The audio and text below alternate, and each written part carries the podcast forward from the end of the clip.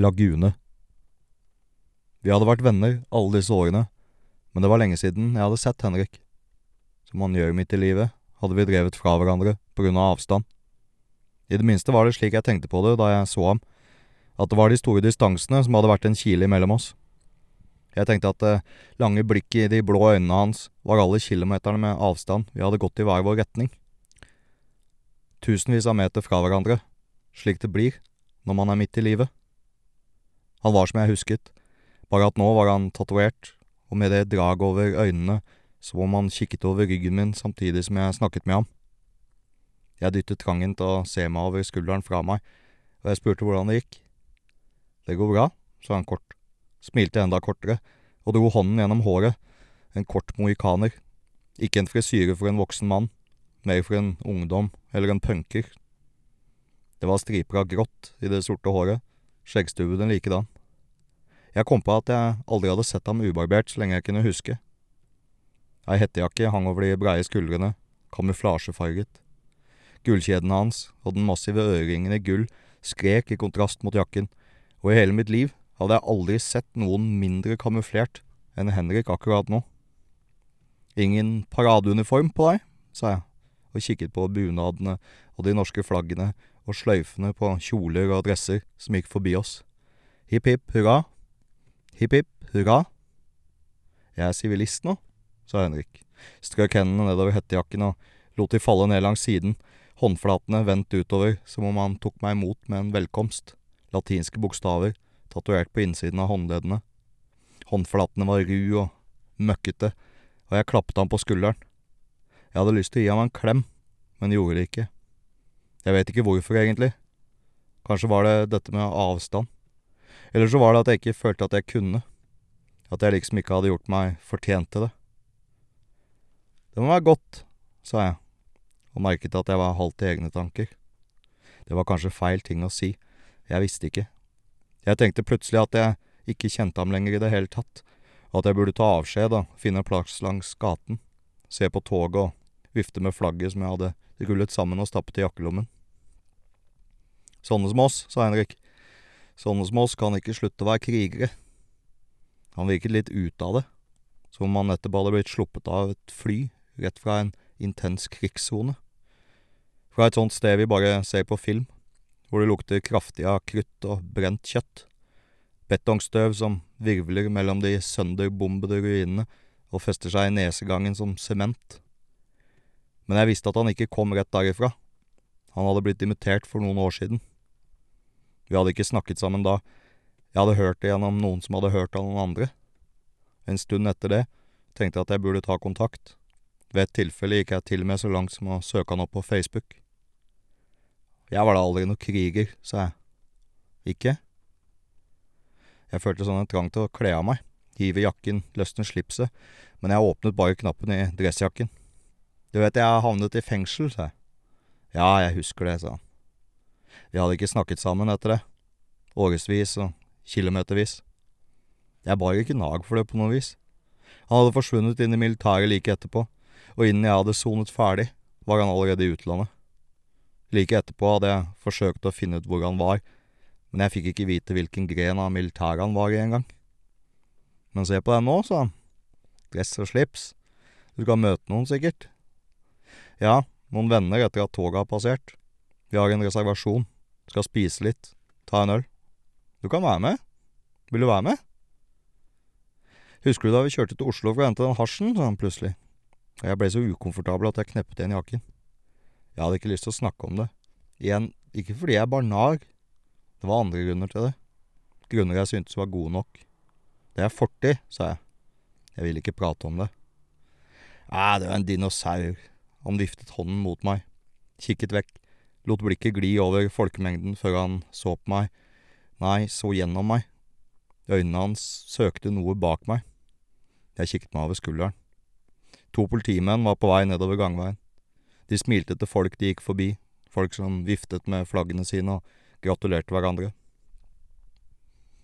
Vi er dinosaurer begge to, sa Henrik. Hva med en øl, for å feire? Han ventet ikke på noe svar. Han begynte nedover gaten, og jeg slo følge med ham. Det føltes underlig kjent, og de lange skrittene våre var i takt med hverandre der vi gikk. Skuldrene våre var tett mot hverandre, støvlene våre skjøt fram ved siden av hverandre, et langt skritt etter det andre. Vi gikk forbi den gamle kneipa vi pleide å henge ved da vi var unggutter, og stemte i med hurraropet til en vennegjeng vi passerte, før vi fortsatte nedover Torggaten. Gjennom her, sa Henrik, et par meter foran den smale gangen inn til banken bar. Vi snudde raskt, som i marsj, gikk inn den smale gangen. Hei, dere! Stemmen var dyp, autoritær. Stans! Politi! Jeg var framme på tåspissene allerede. Da jeg sparket fra, kikket jeg ikke på Henrik, men jeg så støvelen hans skyte framover langsmed min egen. Lange skritt, raske skritt. I enden av den smale gangen til banken bar dreide to tenåringer imot oss. Skulle ta snarveien, akkurat som oss. De sperret opp øynene. Den høye med den lyse luggen frøs til. Den korte, mørke kameraten hans snublet nesten baklengs.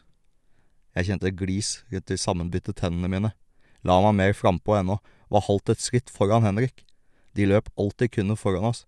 Vi løp alt vi kunne bak dem. Ned! brølte Henrik, som et kommanderende befal, som han kommanderte sivile til dekning.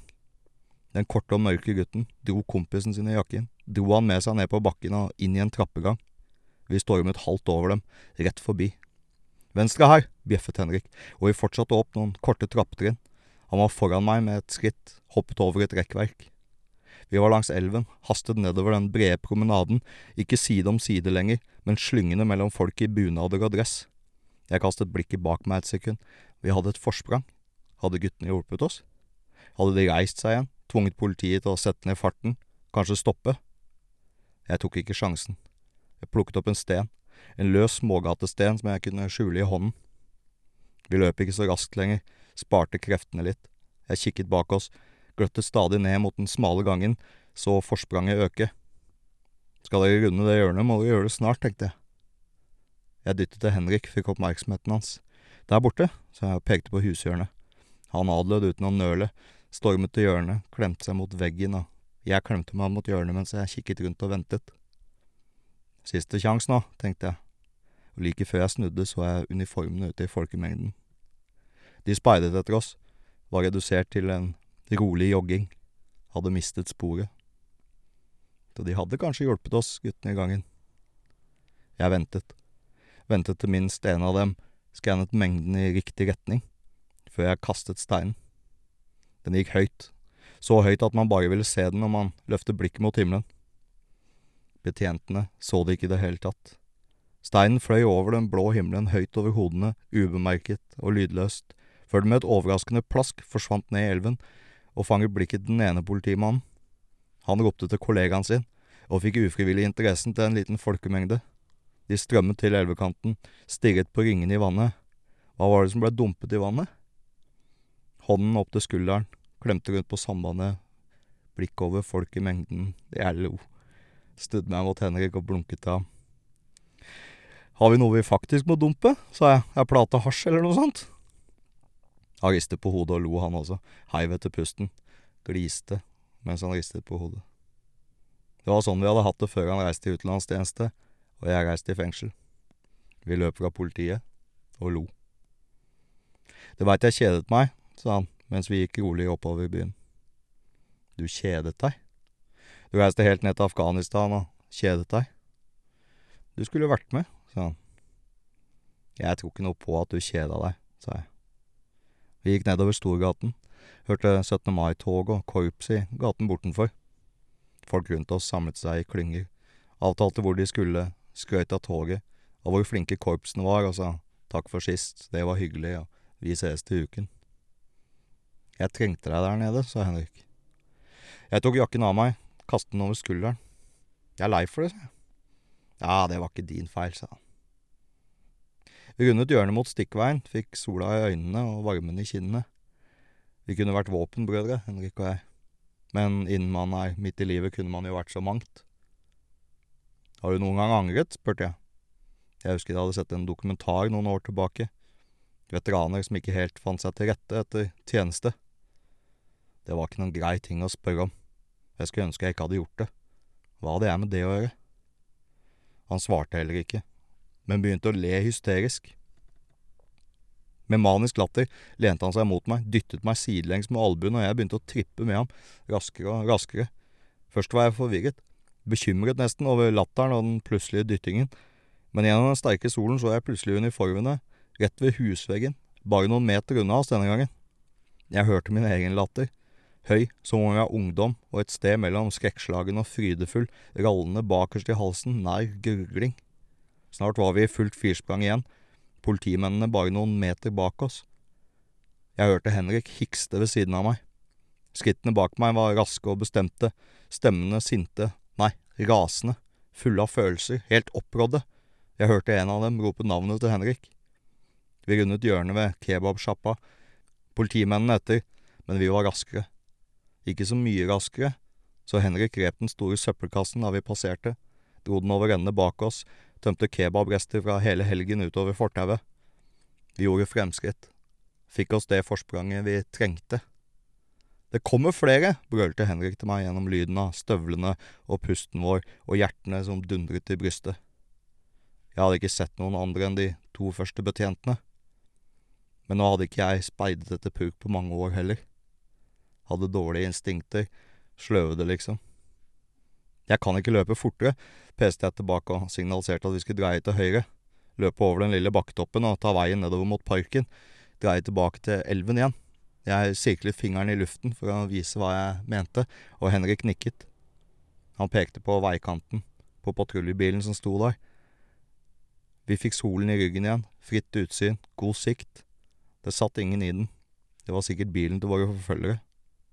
Jeg huket meg ned, snublet nesten i beina mine, måtte gjøre et kast med armene og hevle meg, men kom over bakketoppen og bort til politibilen med god fart.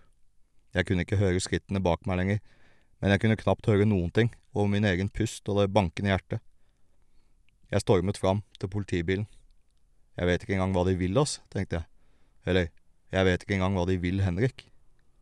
De siste tre meterne før jeg kom fram til førersiden, tenkte jeg på hvordan jeg hadde tatt plassen til Henrik på den kjøreturen til Oslo. Den som endte med meg i fengsel. Og hvordan Henrik sikkert ville klart å slippe unna, om det bare var han som hadde vært der i stedet. Jeg tenkte på det eventyret vi ville hatt. Selvfølgelig hadde jeg blitt med ut om jeg bare ikke hadde sittet inne. Da jeg kom fram, hadde jeg allerede bestemt det. Nei, jeg bestemte det mye før. Bestemte det allerede da jeg så ham igjen, selv før politiet gikk varsomt nedover gaten til vennlige smil og lykkeønskninger. Jeg smalt albuen gjennom glassruten, dyttet skåren unna med underarmen så jeg kom til og fikk åpnet døren. Jeg lente meg inn i bilen og nappet den raskt ut av gir, lot hendene gli rundt i bilsetene og løsnet håndbrekket. I siste sekund rev jeg sund ledningen på radioen også, selv om jeg visste at det ikke egentlig hadde noe å si. Jeg var i hælene på Henrik igjen på bare noen sekunder.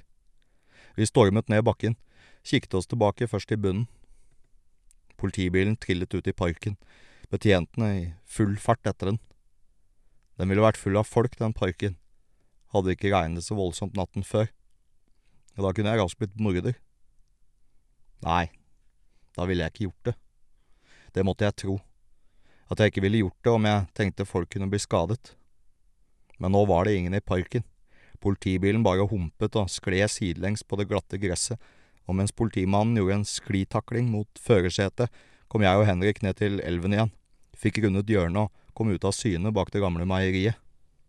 Her, ta dressjakken min, sa jeg og ga den raskt til ham. Han var ute av hettejakken på et øyeblikk, og et halvt sekund tenkte jeg på å hive den i elven, men de ville ikke falle for det trikset en gang til. Jeg tok den fra ham og stappet den ned i et søppelspann. Hva med deg? sa han. Jeg klarer meg, sa jeg. Skynd deg nå, kom deg unna. De har mer enn nok med å stoppe bilen. Jeg stakk hånden i lommen, dro opp en caps, ga den til ham raskt og dyttet ham, skyndte på ham. Kom igjen, nå! Han kikket på den, pekte med et fårete glis på politilogoen foran. Jeg smilte selv, ikke så rent lite fornøyd med meg sjøl. Vi kommer unna begge to denne gangen. Han snudde og gikk, løp noen kjappe skritt, kom seg over broen. Jeg så han fiklet med capsen, at han så vidt fikk revet logoen av fronten og tatt den på seg før han forsvant ut av syne for meg. Selv rundet jeg rundt og opp der politibilen hadde vært. Jeg gikk helt rolig, hadde blå skjorte og tuslet tur i det lettskyede været. Jeg vet ikke om noen politimenn så meg, men jeg tenkte de neppe ville se på meg to ganger. En vanlig fyr i sitt eget selskap. Og hva lette de egentlig etter? En gammel soldat med kamuflasjefarget hettejakke? Han var så annerledes at det knapt kunne registreres at det var en til med ham. Og hva hadde jeg gjort? Ingenting. Jeg hadde ikke gjort noen ting. Jeg hadde bare hatt ryggen til kompisen min. Til våpenbroren min. Det var slik jeg så det. Jeg hørte hjemme der sammen med ham, på eventyr. Da de arresterte meg i Oslo, husker jeg hvor urettferdig det var. Mens andre fikk reise rundt ut i verden, var jeg liksom sittende igjen, bare høre om eventyrene. Eller verre enda, ikke høre om dem. Bare vite at det fantes en verden der ute som ikke jeg fikk oppleve. Jeg var litt sen til avtalen min, men jeg ville ikke stresse. Jeg hadde løpt nok. Brystet var ømt etter den høye pulsen. Jeg følte sånn en sinnssyk fred, som om jeg nettopp hadde hatt utløsning. Så jeg gikk rolig, strenet, på en måte slentret bortover til Kafé Lagun. Det var fremdeles mange mennesker ute, men ikke som tidligere i dag. Gruppene var færre og lenger imellom. Solen hadde gått bak noen skyer. Vinden var kald innimellom, og den blåste rett igjennom skjorten. Men jeg slentret likevel bortover, som i en varm bris. Det var mange mennesker langs elven. Langs den lille broen midt imellom de to store, og ved den store broen lengst ned i elven. Det var voldsomt mye mennesker på den store broen. Jeg bestemte meg for å gå ned et kvartal, komme nærmere. Jeg er ingenting om ikke nysgjerrig. Jeg husker ikke nøyaktig hva jeg tenkte, bare at jeg ville se hva oppstandelsen var, fremdeles yr av begivenhetene like før. Folk viftet ikke med flaggene sine eller ropte hurra, de bare vaiet stille i vinden mens folk kikket ned på elven. En damestemme hadde fått for mye champagne. En gummibåt dundret oppover elven. Det var en underlig stemning, en som dro meg nærmere, selv etter at jeg så politimennene og blålysene som blinket mot en stadig mørkere himmel. Det ville regne i natt også. Vinden tok meg i håret, rusket i det, de første dryppene kjentes så vidt, eller var det bare vannsprut fra båtmotorer som vinden førte med seg? Flere politi- og ambulansefolk sto med beina nedi vannet. De sto lent over en kropp. En mann med dressjakke og caps. Det norske flagget stakk opp av en lomme, vått og rødt. Det hadde klistret seg inntil den lille flaggstangen. Han måtte ha hoppet fra broen. Det måtte være derfor alle menneskene sto der. Så hadde strømmen ført ham inn til bredden, dumpet ham i steinrøysa med ansiktet i møkka. Han kunne ha sett ut som hvem som helst den dagen helt til den ene ambulanseføreren dro ham lenger opp på land og capsen falt av. Den underlige mohikanersveisen var liksom det eneste som skilte Henrik fra alle andre med blazer og flagg. Det og gullringen i øret, selvfølgelig. Jeg var ikke så snakksalig på Kafé Lagun. Jeg ble spurt hva det var, om jeg hadde drukket for mye, og jeg nikket. Ja, jeg hadde drukket for mye. Det hørtes ut som en god idé. Jeg vinket på servitøren, ba henne om en flaske hvitvin, ikke musserende, bare vanlig hvit vin. Hun så sliten ut, som om hun ikke hadde sovet natten før, og selvsagt hadde det allerede vært en lang dag. De spurte om jeg frøys, om jeg heller ville sitte inne, men jeg sa at jeg ville bli ute, det var ikke egentlig ledige bord noe sted, og jeg ville kunne røyke. Vi spiste skalldyr, rekene var seige. Jeg hadde kommet meg godt ned i flasken med hvitvin, da han kom bort til bordet vårt. Jeg kjente ham igjen med en gang. Han hadde skiftet, var ikledd en vanlig blå genser og olabukse, men det var den ene politimannen fra tidligere. Håret var kortklipt, velstelt, og så vidt ispett litt grått hår som om det var forsiktig rørt inn.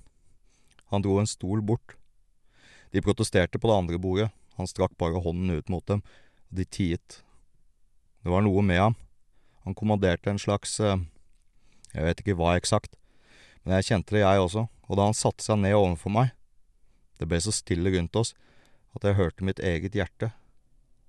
Han stirret på meg og la hånden framfor meg på bordet, neven vendt opp og knyttet. Han hadde tatoveringer på håndleddet, de syntes så vidt der den blå genseren stoppet, og jeg hadde vanskelig for å slippe blikket av hånden hans. Det var som fiksert på den, på den grove neven og den fremmede teksten. Han sa ingenting, åpnet hånden forsiktig, en ørering. Før i tiden hadde alle sjømenn øreringer av gull, sa han i et lavt, nesten dirrende stemmeleie, som om hele røsten var bare bass og selve ordene fløt oppå toppene. Han fortsatte, tok ikke blikket fra meg, selv om jeg ikke møtte hans. Så de kunne begraves om de døde i fremmede land, rundt fremmede mennesker. Du vet, Henrik hadde ikke egentlig noen familie, men han snakket om deg mye da vi var på oppdrag, hvor bra det ville vært om du var der. Han trodde det virkelig. Henrik trodde faktisk du hørte hjemme der. Men du hørte hjemme akkurat der du var. Stemmen hans skalv nesten. For en bror du er, sa han, jeg bøyde hodet vekk, kjente den sure vinen bak i svelget mitt, den kalde vinden piske nakken min. Han grep hånden min, dyttet ringen inn i neven min og klemte fingrene rundt den. Da han reiste seg og gikk, var det stille. Alle var stille, og jeg dro til med armen. Jeg holdt neven knyttet. Jeg stappet ikke ringen i lommen, og jeg åpnet ikke fingrene for å se på den.